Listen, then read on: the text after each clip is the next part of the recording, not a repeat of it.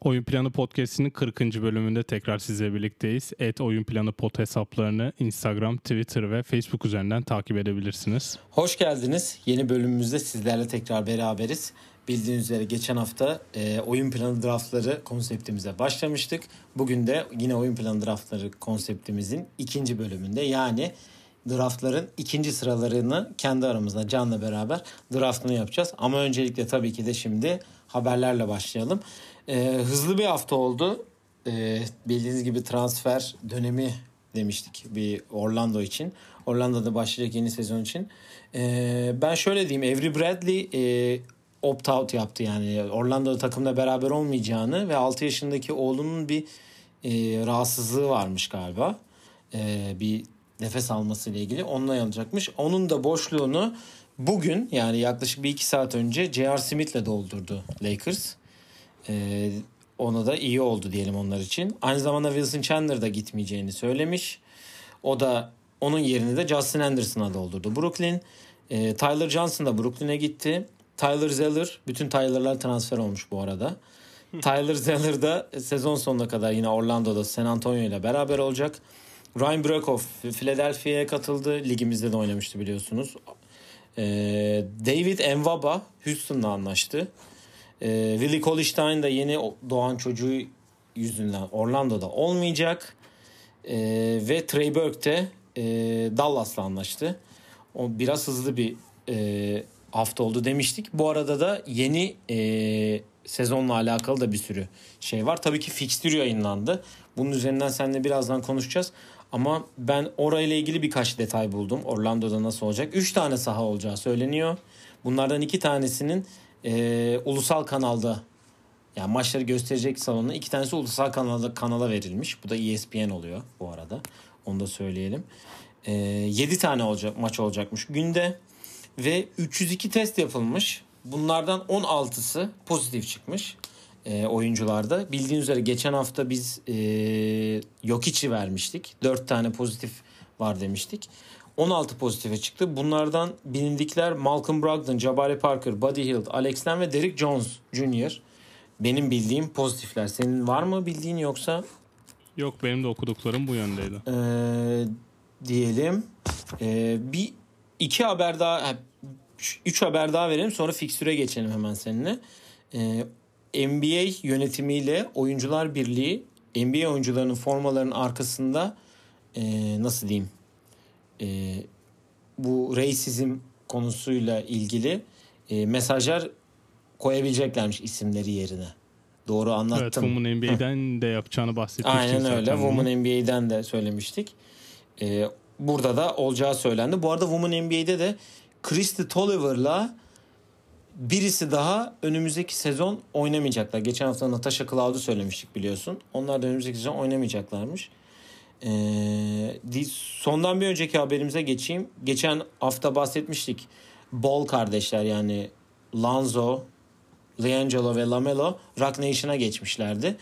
Bu hafta da Rock Nation Trey Young ve önümüzdeki draftın ilk iki hatta ilk üç sırasından gidebilecek Anthony Edwards'ı e, e, Clutch'la imzaladı onlar. Clutch'la mı imzaladı? Çok özür dilerim. Rock Nation evet. dedim. Çok affedersiniz. Buraya niye Rock Nation yazmıyor? Clutch'la imzalamışlar. Çok pardon. E, Clutch evet. Sports'la yani LeBron'un kanatları altına girdi ikisi de diyelim. Ben de bugün Aynen hatta öyle. düşündüm. Hatta Rock Nation Cam Reddish'i de alacaklarını şu an medyada gezenen haberler Ben de arasında. hatta demin dedim ki düşünürken yolda eve gelirken um, Triang hani Adidas'la imzalı Rock Nation Puma nasıl olacak falan diye düşünüyordum. Yanlış düşünüyormuşum. Ee, öncelikle onu söyleyeyim. Ve e, son haberimizi sen ver çünkü kolejden e, liseden koleje bir transfer var. E, top yani 2022 klasının en önemli oyuncularından Imoni Bates değil mi? Evet Imoni Bates Michigan State'e gideceğini açıkladı. Tam Izon'un ee, yanına gidiyor yani. yani. Michigan State bu açıklama yapılana kadar sabahını yani Twitter'da haberler dönene kadar hiç kimsenin haberi yokmuş böyle bir şey olacağından. Imoni Bates'i birine benzetmek gerekirse yani fiziksel olarak ve oyun stili olarak şu an dünyada Kevin Durant'e en çok benzeyen kişi diyebilirim. O kadar. Evet, Brandon Ingram'dan da daha fazla benziyor kendisi. ve potansiyel olarak hani Kevin Durant'in hani sanki Seattle günlerindeki gün aynısını oynuyor aslında Imani Bey. Tabii lisede bunu biraz yargılamak yanlış olabilir hani rakiplerinden dolayı ama 2022'ye kadar zaten yani Michigan State'e giderse bu kararı yani devam ederse Michigan State'i ben şanslı bulacağım. Çünkü ben NBA'in artık draft yaşını kaldıracağını düşünüyorum. O yüzden liseden direkt geçiş olabilir ki Imani Bates de yani Michigan State'e giderse hem Michigan State zaten çok iyi bir program hem onu da biraz yükseltir diye düşünüyorum ama hani bir numaralı giden Michigan State oyuncusu uzun süredir olmadı yanlış hatırlamıyorsam. Geçen hafta var mıydı de- mesela konuştuğumuzda? Yoktu. Yoktu. Son düşündüğümde. 20 yılda evet yoktu. O yüzden hani onun içinde güzel bir hamle olduğunu düşünüyorum. Bu arada kolej için bir minik bir bilgi daha vereceğim. Bu yine çok önemli rekrutlardan bir tanesi Mikey Williams da biri mesaj atmıştı. Hani Twitter'da kendisinin bir araba aldığına dair bir videoya biri Coach K Mikey Williams'a araba almış diye bir haber şeklinde paylaştı bunu. Kendisi de sanırım o da 2021 klasının en önemli oyuncularından biri. Ee, Mike Williams da bu tweet'e cevap olarak hani eğer dünyada son günüm olsa veya her birinden son bir isteğim olsa ve araba isteyecek olsam bunu Coach K'den is- asla istemem. Hani su, su bile istemem tarzı bir yorum yaptı ki onda Duke'a gitmeyeceğine dair zaten biz de kesin bir bilgi almış olduk. Evet yani zaten bu sene bir sürü komit bir anda G Lig'e gitti. Et- Kız çocuğun etrafına takım kuruldu da falan da filan da bir sürü olay da Evet. olmuştu. Zaten sezon ortalarına doğru. Ee, bakalım görelim yeni e, gençler geliyor. Tabii ki günümüzde sosyal medyanın da çok büyük bir şeyi var yani bu konu hakkında. Ne sosyal medya fenomenleri.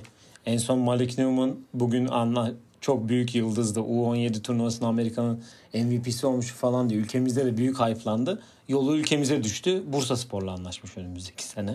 Öyle Evet, bir haber bugün gördüm açıklandı. bugün. Madem ülkemizde dedik bir yarım saat bir saat önce de e, geçen hafta Obradovic'in ayrılığını vermiştik. Şimdi de Datome'nin ayrılığını verelim. Fener'le Datome yollarını karşılıklı olarak ayırmışlar. Zaten belli gibiydi. Aynen öyle. Şimdi de sıra Sulukas'ta diyorlar. Hatta Kalin içinde Makabi ile ismi anılıyormuş. Diyelim. Üzücü olur bizim için diyelim devam edelim. Evet yani da o takım güzel bir takımdı. Dünyanın en güzel takımıydı hatta. Diyalardı e, arkadaşlar da biliyorsun. Bakalım. Yani Makabi'ye giderse Kalinic bizim arkadaşımızın Ha, evet, süresinden çalacağı için. Doğru evet. Kendisi de iyi oynamış bu arada. Son maçı Evet evet. şey yaptık. Evet. Bu aralar iyi. Fikstüre geçelim. Ee, ben fikstürle ilgili şunu söyleyeceğim. Bu arada ilk gün açılış maçlarını vereyim. Açılış maçı 6.30'da Utah'la Pelicans arasında olacak. Yine Zion'ı sıkıştırmışlar ilk maçta. Hani Zion çıksın izleyelim diye. İkinci maçta saat 9'da bunlar Eastern Time olarak verilmiş. Ee, 30 Temmuz günü Lakers'la Clippers arasında oynanacak. Ee, fikstürde şöyle bir durum var. En fazla televizyonda maçı olacak takım Lakers 7 maç. Ee, Boston 6 maç. Clippers, Bucks, Pelicans 5 maç. Nuggets, Rockets, Raptors 4 maç ve geri kalan 3, 4, 2, 1 diye gidiyor. Televizyonda hiç maçı olmayacak iki takım var. Biri Phoenix, biri Washington. Zaten orada olmaması gereken iki takımdan biri. Yani Nets, Pacers, Magic, Kings birer maç var. Grizzlies, Thunder, Sixers iki maç var ki burada ben Sixers'ın neden iki maçı var onu anlamış değilim. Herhalde ESPN de kesmiş ümidi Sixers'dan. Ama Grizzlies'a da iki maç verip vermeleri biraz ayıp olmuş. Ben Camorantçı olarak yani buna biraz üzüldüm diyeyim. Ya aslında o senin okuduğun haklar yani senin okuduğun sayılar sanırım ESPN ve TNT'nin vereceği maçlar sayısı. Çünkü NBA TV de verecek maçları. NBA TV'de burada televizyonda olacak diye geçiyor. Ee, Fixture'a gelince bu arada biz de yani ben burada tam saatinde izleyebileceğim için Fixture'e dair belki her gün maçlardan sonra recap tarzı bir plan yapmayı düşünüyoruz. Evet. Onu da önümüzdeki bölümlerde açıklarız zaten. Aynen. Fixture'e gelince de ben NBA'in hani para için oynadığını biliyoruz yani. Buradaki bir numaralı şey NBA şampiyonu bulalım ya da sezonu bitirelim değil. Para için oynanıyor. Ona Çok para kaybedildi diye diye. düşünüyorum ben. Ben o yüzden niye bu maçların hepsinin televizyonda olmadığını anlam veremiyorum açıkçası. Ya Dünya Kupası gibi Maç- düşün. O kadar takım var. Nasıl Dünya Kupası'nda atıyorum yani Tunus'la bilmem nenin maçı da veriliyordu. 2000 Ama aynı saatte oynanan maçlar oluyor Dünya Kupası'nda. Burada dünya aynı saatte hiçbir maç oynanmıyor neredeyse. ya düşün daha bile kolay şu anda bu dediğimiz. Ya March Madness'ta mesela nasıl oluyor ilk ve ikinci gün? Her maç televizyonda 3 ayrı kanalda oluyor ki bazı maçlar 15-20 dakika yarım saat arayla başlıyor. Ben öyle bir şey yapabileceklerini düşünüyordum sıkıştırarak. Belki yaparlar Yani hani belki maç ikisi sonlarını-. Yani 3 tane televizyon verecek diyorsun yani. Ya mesela Phoenix'in maçlarının hiçbirinin olmaması yani atıyorum Chicago'daki biri Phoenix'i izlemek istemiyor olabilir ama bence onu televizyona koyarsan yani hiç yoktan iyi bir gelir yaratacak kesin. Sonuçta hiçbir spor da yayınlanmıyor şu an. Hı hı. Ya benim beklentim o konuda biraz hani şaşırttı böyle bir şey yapması NBA'in. Benim iki tane ö, ö, tahmin tarzı bir şeyim var. Hı hı. Bir tanesi biraz değişik ve popüler olmayan bir düşünce. Ee, şu an Amerika'nın da olduğu durumdan dolayı ben bu sezon tamamlanmayacağını düşünüyorum. Adam Silver'da eğer bubble'ın içinde rakamlar inanılmaz yuk- bir şekilde yukarı çıkarsa biz de durdurmayı düşünürüz demiş. Vaka sayıları Ki çünkü Orlando- Florida'da ki ciddi Amerika- Amerika... Aynen öyle. Florida ciddi bir şekilde Ve- bir vaka sayısında artış varmış. Evet var. Yani Avrupa sayılarını geçmiş yani Florida. Hı hı. Öyle de denebilir. Benim ikinci tahminimse eğer oynanırsa olabilecek bir şeyden bahsetmek istiyorum. Şimdi 8 maçta en kolay fixture bence Philadelphia 76ers'ın ki New Orleans Pelicans'ı yazmışlar. Pelicans'ın zaten eğer pandemi olmasaydı da ligin en kolay fixture'ı onlardaydı. Yani zaten onlar favoriydi 8. lig için. Eğer bir takım 8-0 gidecekse Hı hı. yani 8'de 8 galibiyet alacaksa bu takım Philadelphia olabilir. Ama ilk maçları Pacers'la. Pacers'a yenerlerse sonrakini Spurs, Wizards, Magic, Trailblazers, Suns'la oynuyorlar. Sonraki son iki maçta artık yerler belli olursa Raptors, Rockets. Hani zaten bunlar normalde denilebileceği takımlar. Pardon. Ama benim Philadelphia'dan beklentim ya 8 ya 8'de 8 galibiyet ya da 4-4 giderler. Çünkü biliyorsun ortası olmayan bir takımlar. Yani ya iyi ya kötü. Aynen. Ortası olmazsa 4'te 4 olmaz bu arada ortası olmayan bir takım. Çünkü 4'te 4 yani 4'e 4 tam orta oluyor. Hani 6-2 tarzı şeyler de yani öyle bir iyi performans gösteremeyebilirler diye Sen bayağı düşünüyorum. Bir de fikstürlere bakmışsın galiba hepsine. Baktın Yo, mı? ben Philadelphia biraz dikkatimi çekti çünkü insanlar Pelicans'e bayağı laf etti. İşte NBA yine yaptı yapacağını. Ya Baksana Zion önünü açıyor tarzı öyle. şeyler vardı ama ya bence çok öyle değil yani. Hem denk gelme hem de bu maçları sıkıştırma şansı vardı ve önümüzde yani herkesin önünde bir 20 maçlık bir fikstür var zaten. Oradan nasıl eşleştirebiliyorsan öyle eşleştirdiler. Hı hı. Lakers'la Clippers'ta artık her sezonun açılışını onlar yapacak gibi. Yani bu sezon iki kere onlar açtı. O yüzden ben mesela alt takımların Spurs'u mesela 0-8-1-7 gidebileceğini de düşüne- Geçen hafta sen arada. de bahsettin gençlere şey yapacaklar ki Tyler Zeller'ı da şimdi kadroya katmışlar. Bakalım. Aynen öyle. Ee, Rockets'ın fikstürüne bakabildin mi?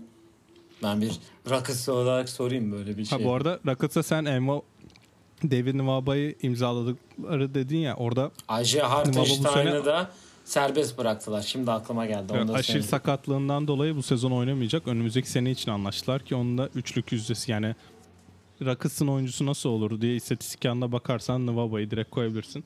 Ya. Ben şu an Rockets'ın fikstürüne de baktığımda Mavericks'le açıyorlar. Hı hı. Sonra Bucks, Blazers, Lakers'la oynuyorlar. İlk dört maç zorlu. Sonra. Kings, Spurs, Pacers, 76ers onlar da biraz kolay kapatıyor da diyebiliriz. Evet. Ama ben zaten Rockets'ın hani ortalara doğru istediği pozisyonu sağlayacağını ve 3'te 6 ya da ya ya 6 ya 5 bitirmeyi tercih edeceklerdir. Çünkü yani ben 3. bitiren kim olacaksa ya da Utah olacaksa o takım ya da Denver olacaksa ben onların ilk turdan eğleneceğini düşünüyorum. Bakalım o lig yaklaştıkça zaten bunları daha çok konuşma şeyimiz olacaktır diyelim. Nasıl yani Aynen. şey böyle kendi e, tahminlerimizi yaparız.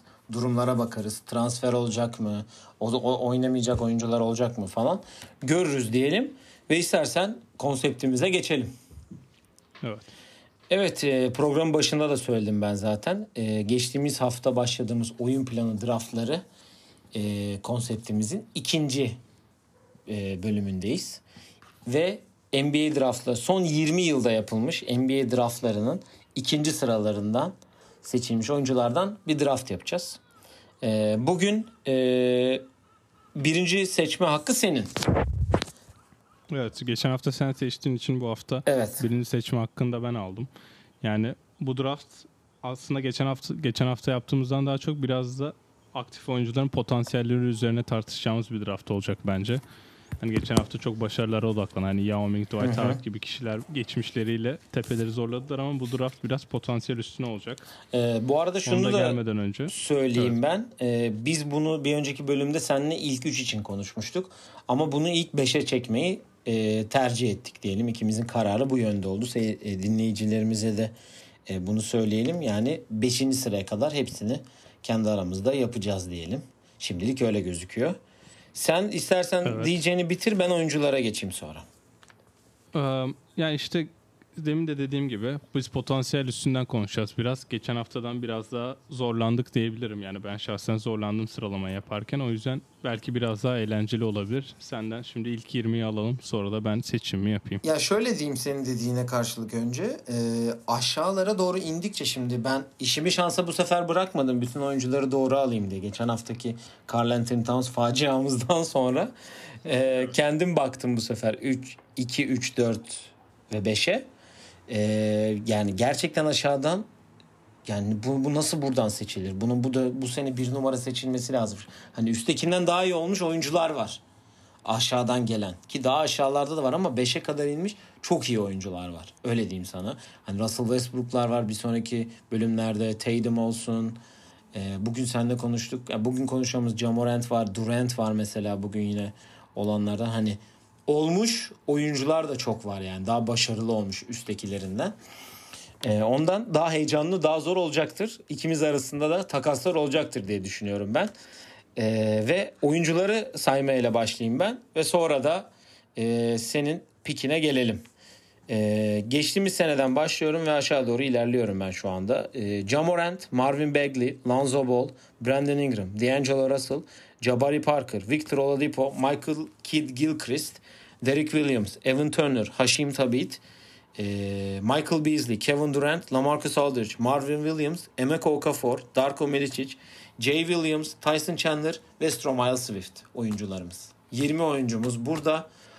Ee, istersen ilk 5'i söyleyelim dışarıda bıraktığımız. Ee, biz Evet.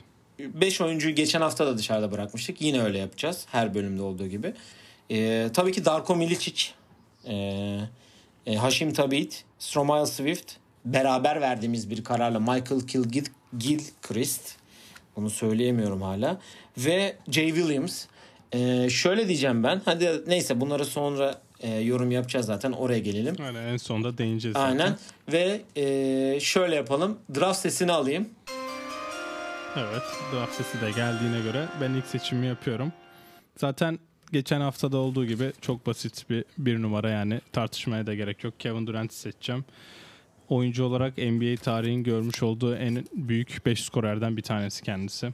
Hani çok tartışılacak bir kişiliği olmasına rağmen sahada olduğu zaman nasıl bir fark yarattığını tartışılmaz zaten. Hani LeBron'la hakkında dediğimiz her şey geçen hafta onun için de diyebiliriz.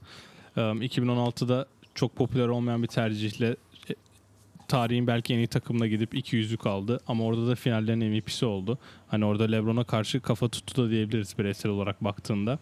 Sağlıklı olduğu zaman yani şu an Kawhi Leonard'ın yaptığı bir tek takıma yaptığı bir etki Kevin Durant çok rahatlıkla yapabilecek kapasitede.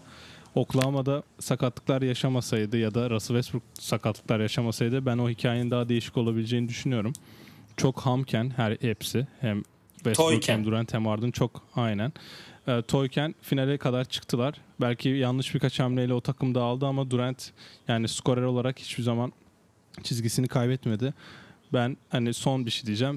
İlk 7 yıllarına baktım ben. Ee, LeBron'un işte 40 bin sayı atabileceği konuşmasını yaparken senle ilk 7 yıllarını karşılaştırdım. Durant'in sakatlandığı bir sezon var. O sezon olmasa LeBron'la Durant'in sayıları neredeyse aynı olacak. Yani o yüzden ne kadar önemli bir skor olduğunu da buradan görebiliyoruz. Hani Brooklyn'de kendisine yeni bir sayfa açıyor. Ee, onun son bu hep bahsettiğimiz bir röportajında ben basketbolda her şeyi yani mükemmel yapmaya çalışıyorum. Hani ben maçtan sonra ben maçı mükemmel oynadım diyebilmek istediğim için böyle bir tarz değişikliğine gittim. O yüzden hani şut üst pull-up'lar, işte üçlükler, post-up üstü sayılar, penetreler, smaçlar, turnike hepsini en iyi şekilde ve yüzdeli yapmaya çalışıyorum. Ben 28'de 10 atarsam mutlu olmuyorum. Benim 24'te 19 atmam lazım ki mükemmel bir maç oynadığımı kendim en azından tatmin olayım diye bir açıklaması var. O oyuncu da oldu. Belki Brooklyn'de de öyle olur ve başarılı olur deyip sana bırakıyorum sahneyi. Yani ben pek yorum yapmayacağım Durant'la alakalı. Yani Sezar'ın hakkı Sezar'a her zaman derim. Gerçekten iyi bir oyuncu. Çok yetenekli bir oyuncu. Ee, sağ dışını konuşmaya gerek yok. Sa- sağ içini konuşmaya gerek yok aslında ama sağ dışındaki yaptıklarından bir sürü şey söyleyebiliriz. Burner accountlar olsun, tercihleri olsun falan filan yani işte. Ee, ama sence GOAT olabilecek seviyede mi? Ya bence o hakkını tamamen kaybetti. Eğer Oklahoma'da kalsaydı ya da atıyorum Miami ta- tercihi gibi bir mesela Boston'a gelseydi 2016'da ve bir şampiyonluk yaşatsaydı o tarz şeylerde çok zorlayabilirdi diye düşünüyorum. Yani Boston'a gelip bir şampiyon yöne olup gitti. bir sene sonra ya da iki sene sonra dönüp Oklahoma'yı şampiyon yapsaydı olabilirdi. Neyse. Ya mesela Boston'a gelip o Cleveland'ı elese, elese ve finale çıksa hani çünkü LeBron'u elemiş olacaktı. Aynen. O zaman işte çok farklı hikayeler yazılabilirdi. Aynen. Olmasaydı sonumuz böyle mi diyoruz acaba? Evet. evet ikinci tura geleyim. Yalnız ben şöyle bir şey isteyeceğim. Ben kendi seçimime de bir tane şarkı istiyorum. Şu an burada. Evet o zaman her seçime koyalım yani. Yok her seçime değil. Ben kendi seçimime istiyorum. Haftaya mesela birinci seçeceğim ya ona da istiyorum. Şimdi buna da istiyorum. Alayım. Teşekkür ederim. Evet. Ee, benim tabii ki kolay olacak. Jamorant seçiyorum ben. Ee, yani zaten sezon içinde çok bahsettik. Onu ne kadar sevdiğim, tam benim sevdiğim tarzda bir oyuncu olduğunu çok konuştuk. Ben söyledim. Sen kaç kere bana yayınlarda burada bahsettin. Potansiyelinin daha hiçbir şeyini veremediğini ve çok genci genç olduğunu düşünüyorum. Memphis'te kalır mı? Bilmiyorum. İleride başka bir takımda, contender bir takımda büyük roller alabilir mi? Ee, yani geçen hafta Derrick Rose için neler söylemiştik hatırla. Ee, Jamorant'i iyi bir takımda Derrick Rose gibi olabileceğine ben inanıyorum. E, MVP olur mu? Olabilir. Göreceğiz ama ben bu draftta ikinciden gitmesi gerektiğine inanıyorum. Evet zaten potansiyelden konuşacağız dediğimizde de direkt aklımıza da bu gelmişti. Ya ben de Jamorant'i bu sıralarda yazmıştım. Yine yukarıdaydı benim listemde de. Senle bu podcast'te de konuşmuştuk. Hani Derrick Rose mu sence daha fazla andırıyor? Russell Westbrook mu diye. Hani artık onların ortasında bir oyuncu olur ve onlardan daha önce şut atmaya da başlarsa zaten belki onların da üstüne çıkabilir. O yüzden çok mantıklı Yani geçen hafta- olarak buluyorum. Demiştik zaten hani Russell Westbrook nasıl Derrick Rose'un Derrick Rose'un bir sakatlığından sonra 10 gömlek ilerisine gitti diye. Şimdi yine hani Jamorant de yavaş yavaş aşağıdan geliyor. Belki ikisini birden geçecek. Bilmiyoruz ama göreceğiz. Önümüzde çok yılları var inşallah uzun süre sa- sakatlıksız bize güzel şeyler izletir ki bu yarım sezonda bile bize neler izletti yani. Evet deyip ben 3. sırada kendi seçimime geliyorum. Ben 3. sırada oyununu beğendiğim için bu kişiyi seçeceğim. Lamarcus Aldridge. Oo. 7 kez All-Star, 2 kere e, All-NBA ikinci takımı, 3 kere All-NBA üçüncü takımı, 19 sayı 8 rebound kariyer ortalaması var. Portland'ı bir numaralı skoreriydi yıllar boyunca. Damian Lillard'la da başarıları var. Sonra da Spurs'e gitti. Spurs'e de yani playoff'a kaldı her sene ki Spurs zaten her sene playoff'a kalıyor. Yani ben diğer oyunculara baktığımda Lamarcus Aldridge'i niyeyse ya All-NBA ikinci takımda iki kere seçildiğini mesela çok değer verdim. Çünkü ligin en iyi 10 oyuncusundan biri. Yani en, en iyi 4 forvetten bir tanesi ki bu 4 forvete baktığın zaman işte Tim Duncan'lar, LeBron'lar, Kevin Durant'lerin olduğu bir forvet havuzundan en iyi 4'e giren oyunculardan bir tanesi. Evet şu an basketbol stili 2020'ye uymuyor ama orta mesafeleriyle yıllarca ekmek yedi ki yani şu an sakatlığı var yanlış hatırlamıyorsam Evet. oynamayacak Orlando'da ama yani hala bir 5 sene daha belki sadece orta mesafe atarak bir takım bench'inden gelip hani bizim burada işte atıyorum süper yıldızımızın oynamayacağı 4 dakikada gir bir 10 sayı at denebilecek bir role de dönüşebileceğine inanıyorum ben. Yani Lamarcus Aldridge ile ilgili şunu söyleyeceğim ben. Bu draftın en istikrarlı, en düz ve bence hani Durant'i ayrı tutuyorum bu arada. E, En düz, en te- yani nasıl diyeyim? En olgun oyuncusu diyeyim ben sana. Evet. Yani bu bu kelimedir. Eğer Lamarcus Aldridge'i 1980 ile 90 arasına koy. MVP bile olabilir yani. O tarzda Yani bir zaten yani oyuncu. Charles Barkley seviyesinde bir oyuncu olabilir. Charles Barkley'nin ayaklarının daha nasıl diyeyim? Charles Barkley'nin prime zamanlarının footwork'ü var yani. Şutu zaten Aynen. hepsinden daha iyi yani. Charles Barkley'den çok daha iyi. Ama dediğim gibi istikrarı zaten onun e, Spurs'daki Spurs ve Popovic'in tercih sebebi yani. Çok bariz bir şekilde. Ben mesela biraz daha aşağı yazmışım tabii gence gençlere daha fazla önem verdiğim için diyeyim. Üçüncü sıraya geçeyim ben. 4. 4 pardon. Ben bir an kendimi yine şey zannettim. Evet. Ee, ben Victor Oladipo'yu seçeceğim. Ee, çünkü geçen sene ya özellikle Houston, e, Thunder'dan ayrıldıktan sonra Indiana'ya farklı bir kimlik getirdi. Indiana'nın bu Paul George'lu, Lance Stevenson'lı, Roy Hibbert'lı kadrosunu, David West'i kadrosundan sonra e, tekrar Indiana'yı doğuda söz sahibi demeyeyim de hani bir yere getirebilecek doğunun en iyi 5 takımı arasına sokabilecek bir yere getirdi. Kendisi de All-Star oldu zaten. Ben o Thunder'da geçirdiği bir senin ona çok büyük artı getirdiğini getirdiğine inanıyorum. E, çok şanssız bir sakatlık geçirdi. Yani MVP sıralamasında yukarılardaydı hatırlarsan son iki senede. E işte geçen seneki sakatlığı onun biraz kötü oldu tabii ki de. All-Star oldu. Yani Indiana'ya Sabonis'le beraber ikisi çok farklı seviyelere getirdiler. Sabonis olsun, kendisi olsun, Miles Turner olsun. Dediğim gibi Indiana'yı bir anda doğuda sleeper şeyine getirdiler. Hani bir Toronto bir Boston seviyesi değil belki ama bu üç iki takımdan sonra üçüncü de biz olabiliriz diyebiliyorlar. Dedirtti yani diyeyim ben. Evet. Evet ben Oladipo'yu senin de herhalde Lamarcus yaptığın gibi bir tık aşağı yazmışım. İşte 28 yaşında olması, sakatlıktan gelmesi tekrar acaba All-Star seviyesine çıkabileceği mi bir soru işareti benim aklımda. İki kere All-Star olmuş. O yüzden hani daha aşağı baktığında biraz daha potansiyelli isimler gördüğüm için ben 5. sıradan kendi listemde 3. olan Brandon Ingram'ı seçeceğim. Oo güzel. Çok güzel Ee, geliyorsun. potansiyel dendiği zaman yani yıllardır potansiyel kelimesinin karşılığında ismi ilk anılan isimlerden biri. Veremeyen İşte Kevin. Durant'te de aynen öyle. Kevin Durant'e benzerliğinden dolayı işte çok ekmek yiyen diyebiliriz ama artık bu sene Pelicans'da nasıl bir oyuncu olabileceğini bize gösterdi. Zion'un olmadığı dönemlerde birinci opsiyon olarak işte liderlik yapabileceğini gösterdi. Çok farklı bir oyun stili var onda. Yani işte bu draft klasının niyeyse orta mesafe, ay bu draft ikinci sırada seçilenlerin niyeyse bir orta mesafe hastalığı var. hani Brandon Ingram da onlardan bir tanesi. Farkındaysan şutör yok. Zion da geldiği için aynen öyle. O da benim dikkatimi çekti aslında. Ee, Brandon Ingram Zion geldiğinde hani biraz kenar e, çok sevdiğimiz bir Türkçe atasözü olan kenarıya çekile, çekilen bir oyuncu oldu ama yine de bu sefer kazanmaya yönelik oynayacağı için ben bu Zion'la birlikte hani ikisinde 20'şer sayı ortalamayla oynayabildiği bir takım görebiliyorum. O yüzden Ingram'ı çekiyorum buradan. Ki aşağıda bir takım arkadaşları daha var. Evet. Ee, güzel seçim. Ben öncelikle teşekkür ediyorum ve 6. sıradan bana D'Angelo Russell'ı bıraktığın için de ayrıca teşekkür ediyorum. Farkındaysan sadece guard'tan ilerliyorum. Ee, Evet, D'Angelo sen Russell'ı seçtim. D'Angelo. Russell'ı savun sonra ben de onun hakkında düşüncelerimi söyleyeceğim. He, Çürüteceğim mi diyorsun? Ya yok ama evet. Ya şöyle D'Angelo Russell e, büyük potansiyellerle draft edildi. İkinci sıradan draft edildi. Ohio State'te oynadı. Hani de geçen hafta nasıl Greg Oden için söylemiştik. Kendisi de Ohio State'te muazzam bir sezon geçirdi ki isminden çok bahsettirdi. Lakers'a draft oldu. E, belki çocukluğundan mı diyeyim e, bir sürü şeyler yaşadı orada. Nick Young'la olsun. Kobe'ni onun hakkında hani bir türlü bir tane şey vardır ya böyle hani Kobe kenardan bakar da bunlar ne yapıyor bunlar saçma sapan eğleniyorlar falan diye.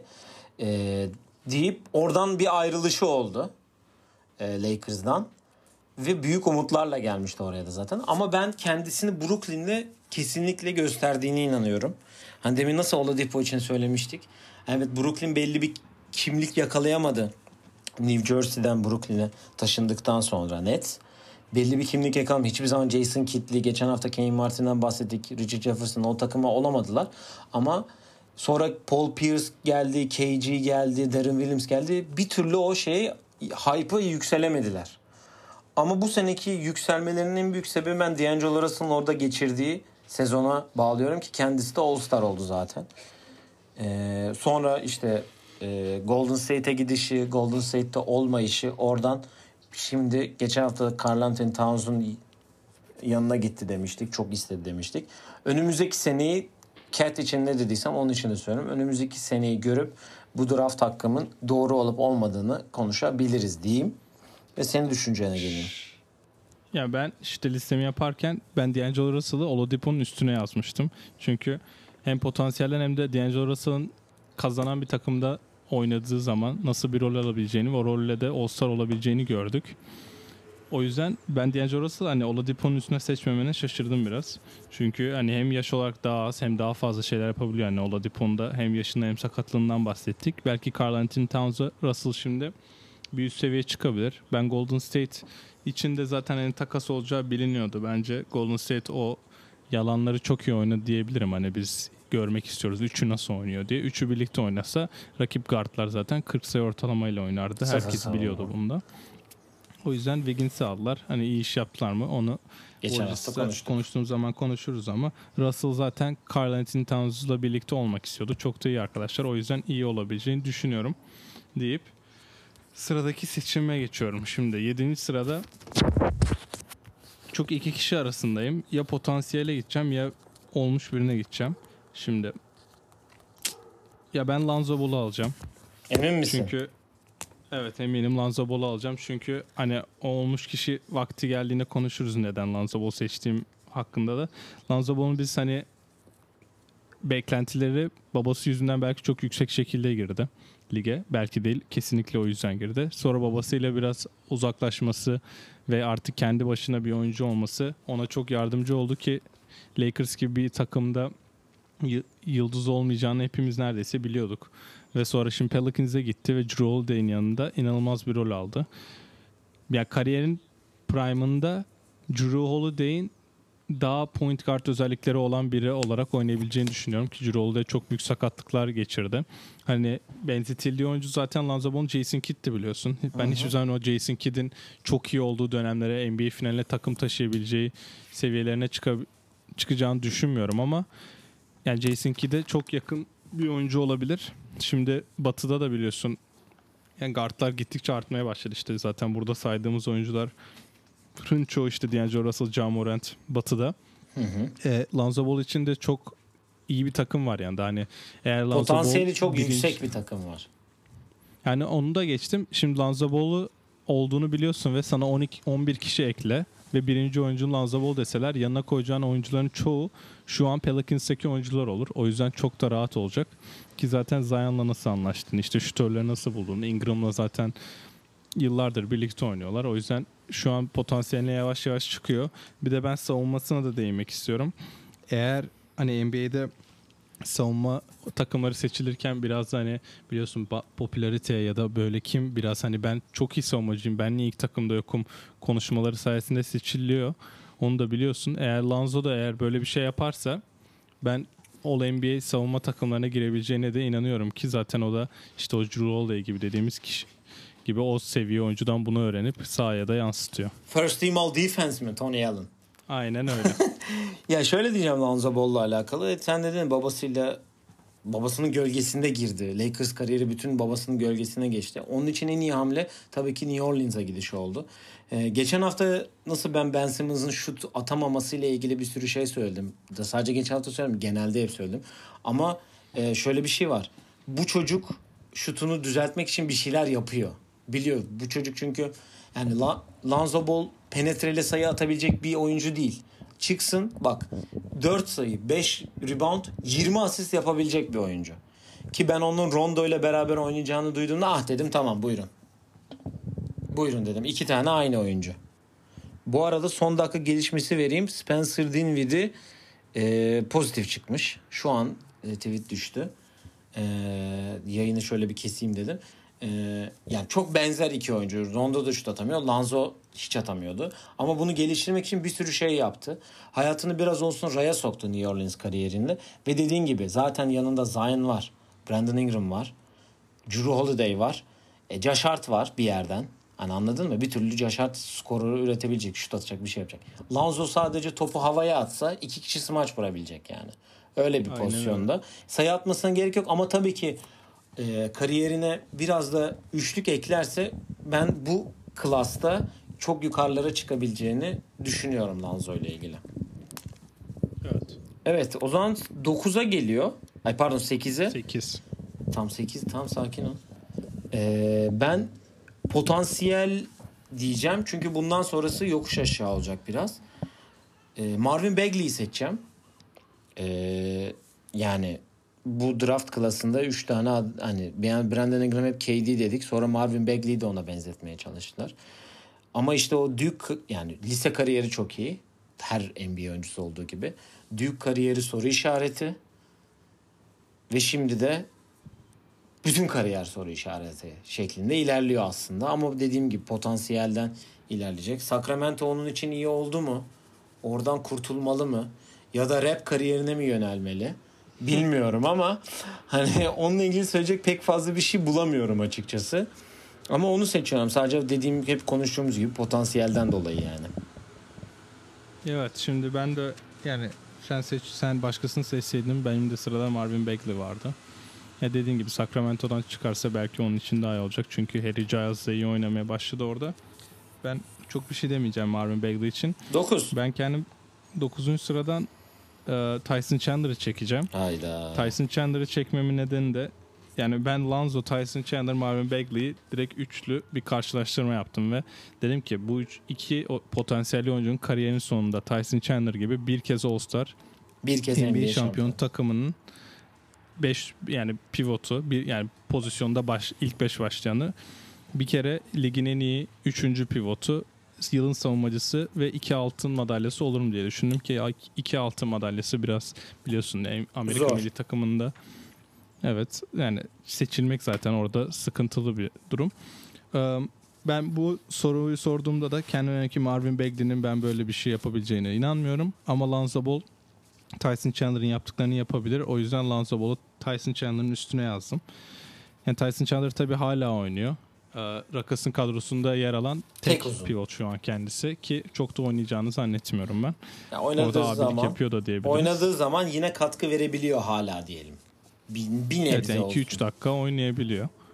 Ve sağda kapani savunmada korku salabiliyor hala ki yani Prime'ın da nasıl bir oyuncu olduğunu hepimiz hatırlıyoruz. Özellikle o Dallas'ın şampiyon olduğu sene o takımın savunma olarak nasıl üst seviye çıktığını LeBron finallerde kendisi Yani- tecrübe etti. 2000 draftı yani öyle diyeyim sana.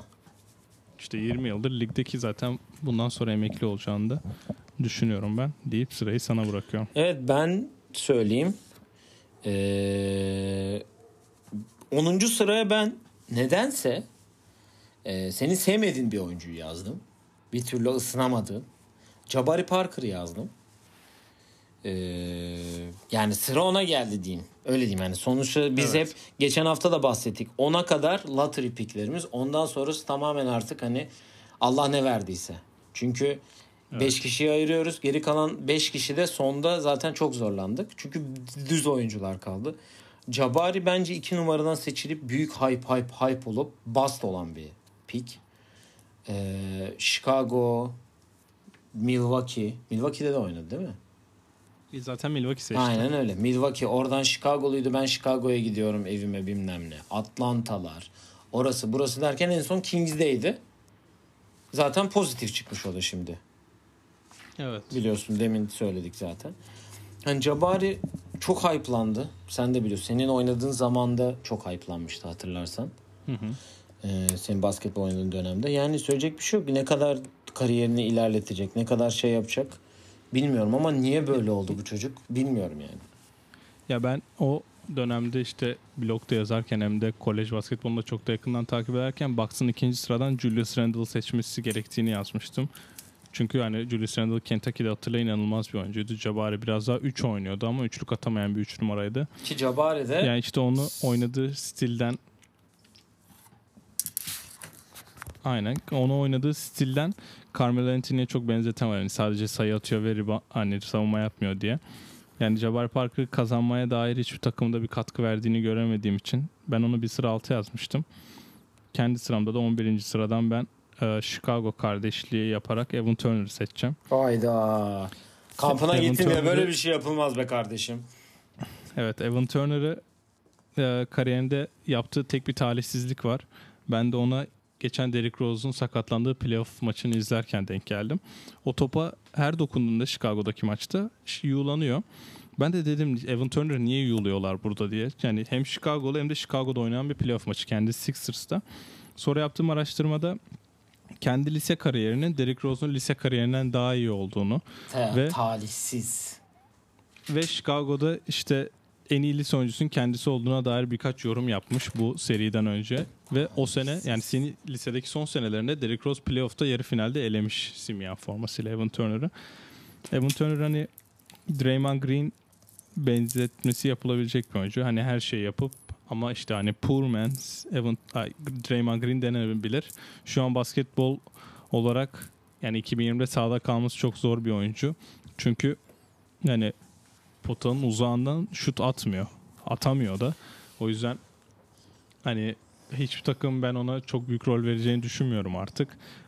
Ee, ona rol verip başarılı olabilen tek kişi de Brad Stevens oldu. O zaman da cidden Draymond Green rolünde oynuyordu. Hani topu tepede ona verip insanlar screenlerden çıkıp ki bu çoğu zaman Isaiah Thomas oluyordu.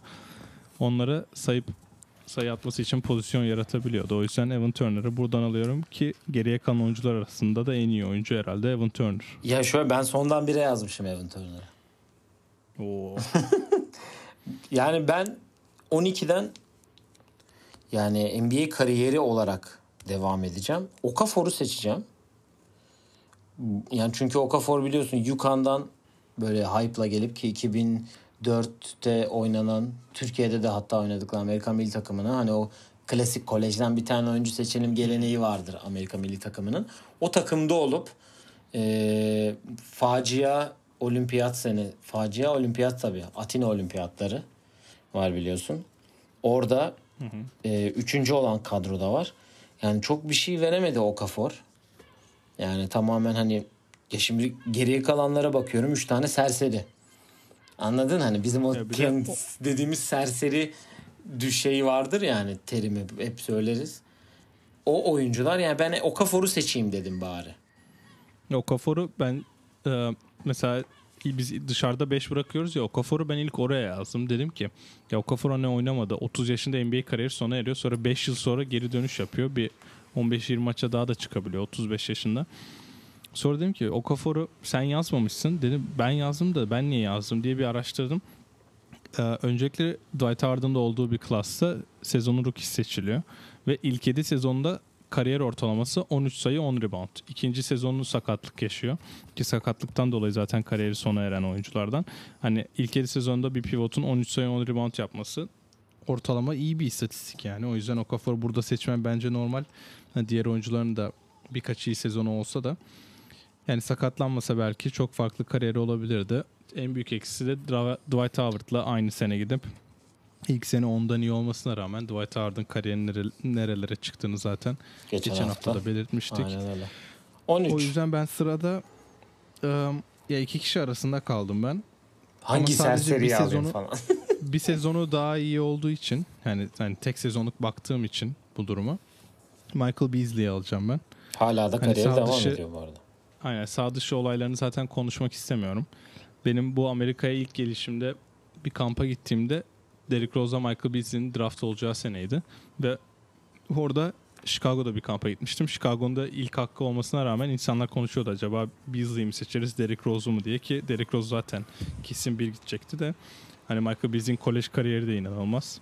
Şu an hani en son haberlerde de gördüğümde e, açık olan salonlarda çocuklara karşı oynayıp evet arka arkaya sayı sonra evet o benim diyormuş. Hani evet Michael Beasley benim hani hakikaten benim ve şu an sizi yeniyorum tarzı konuşmalar yapıyormuş. Zaten böyle bilinen bir oyuncuydu. Benim anlamadığım tek olay onun kariyerinde hani çok olay var ama Miami gibi bir takıma gidip hani Miami'nin nasıl bir kültür olduğunu biliyoruz. O bile orada yapamıyorsa cidden bir sıkıntıları vardır. Ve geçen sene niye Lakers'ın da onu aldığını anlamamıştım. Deyip sana bırakıyorum. Evet. e, ben Michael Beasley'i sen çok güzel anlattın zaten. Bir şey eklememe gerek yok yani. Ruh hastasının teki yani öyle diyeyim kısaca. E, deyip e, ben Derek Williams seçeceğim. Neden diye soracaksan e, NBA dışı olarak Avrupa'da da biraz etki. Özellikle bu sene Fenerbahçe Ülker'deydi biliyorsun ki onun iyi oynadığı zaman Fener kazanıyordu. Öyle bir durum vardı ki daha önce de e, Bayern Münih'te bir sezon geçirdi. Orada da iyi oynadı. E, kısa bir NBA kariyeri. O da beklenenleri bir türlü veremeyen tayfada. 14. sıradan onu seçip ben kendi draftımı noktalıyorum. Aa, Ben de Derek Williams hakkında tek bir şey diyeceğim. Bu Fenerbahçe ile alakalı. Fenerbahçe'nin oynadığı sistemde ve Obradovic'in oynadığı sistemde oraya Nicolo Melli gibi bir NBA oyuncusu yani NBA'de normal süre alabilecek bir oyuncu vardı ve Melli'nin neler yapabileceğini hepimiz de biliyoruz ve çok farklı bir oyuncu olduğunu da biliyoruz. Oraya Derek Williams profilinde bir oyuncu geldiğinde beklentiler aynı olmasına rağmen farklı bir basketbol beklemedi kimse. O yüzden Derek Williams çok kötüymüş gibi gö- gösterildi. Ki yani belki istenilen performansı da veremedi ki zaten şu an kendisi de takım kendisi de takımsız diye biliyorum ki Fener'de zaten Obradovic ile yollarına ayrıldı. O yüzden Williams Avrupa'da ve Euroleague'de ben kalıcı olacağını düşünüyorum. Ve şöyle bir Deyip durum var. sırada Ee, Aynen. Verdiklerimize ilgili şunu ekleyeceğim. Fener'in Fener maçlarını çok uzun süre bütün maçı hiç çıkmadan oynayan bir oyuncuydu. İlk başlarda hatırlarsan. ya Fener'in o pozisyonda çok eksikliği vardı ve bu sene o takımın yaşlılığından dolayı da enerji eksikliği olduğu dönemde hani bir smaçla bir blokla enerji katabilecek bir oyuncuydu ki bunu iç saha maçlarında yapabildiği kadar da yaptı kendisi. Aynen öyle. O yüzden son sıradan da ben Marvin Williams'ı seçeceğim.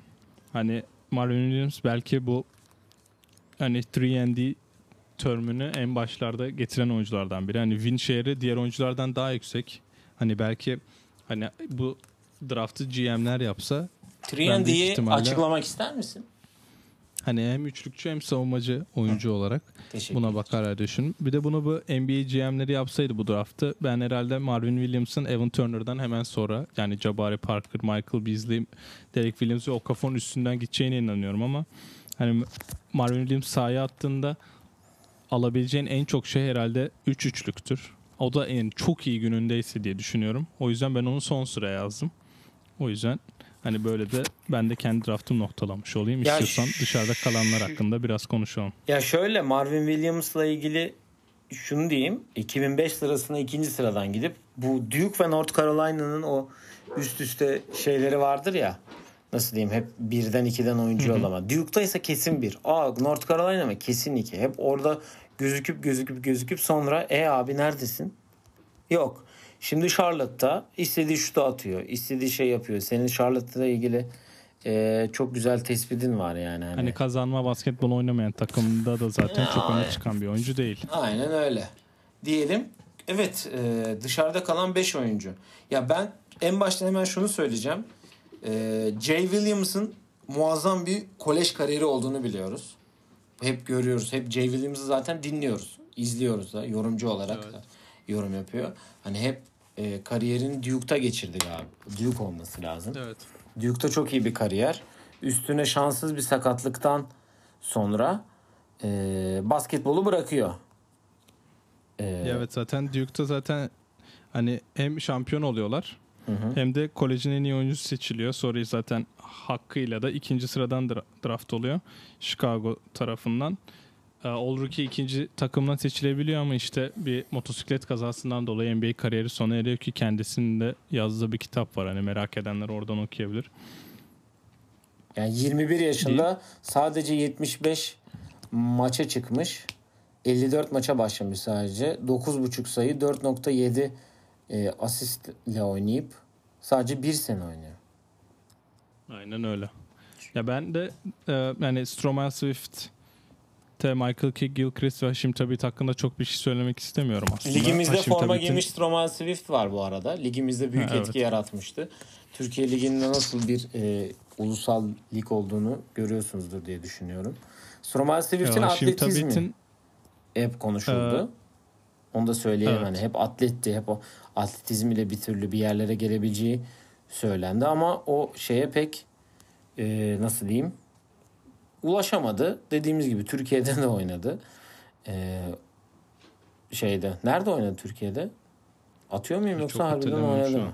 Oynadı ya. Hemen bir bak, bak sen. Ben de hemen Hı. e, Haşim Tabit'le olan ilgili düşüncelerimi söyleyeyim. Hani olamayacağı belliydi.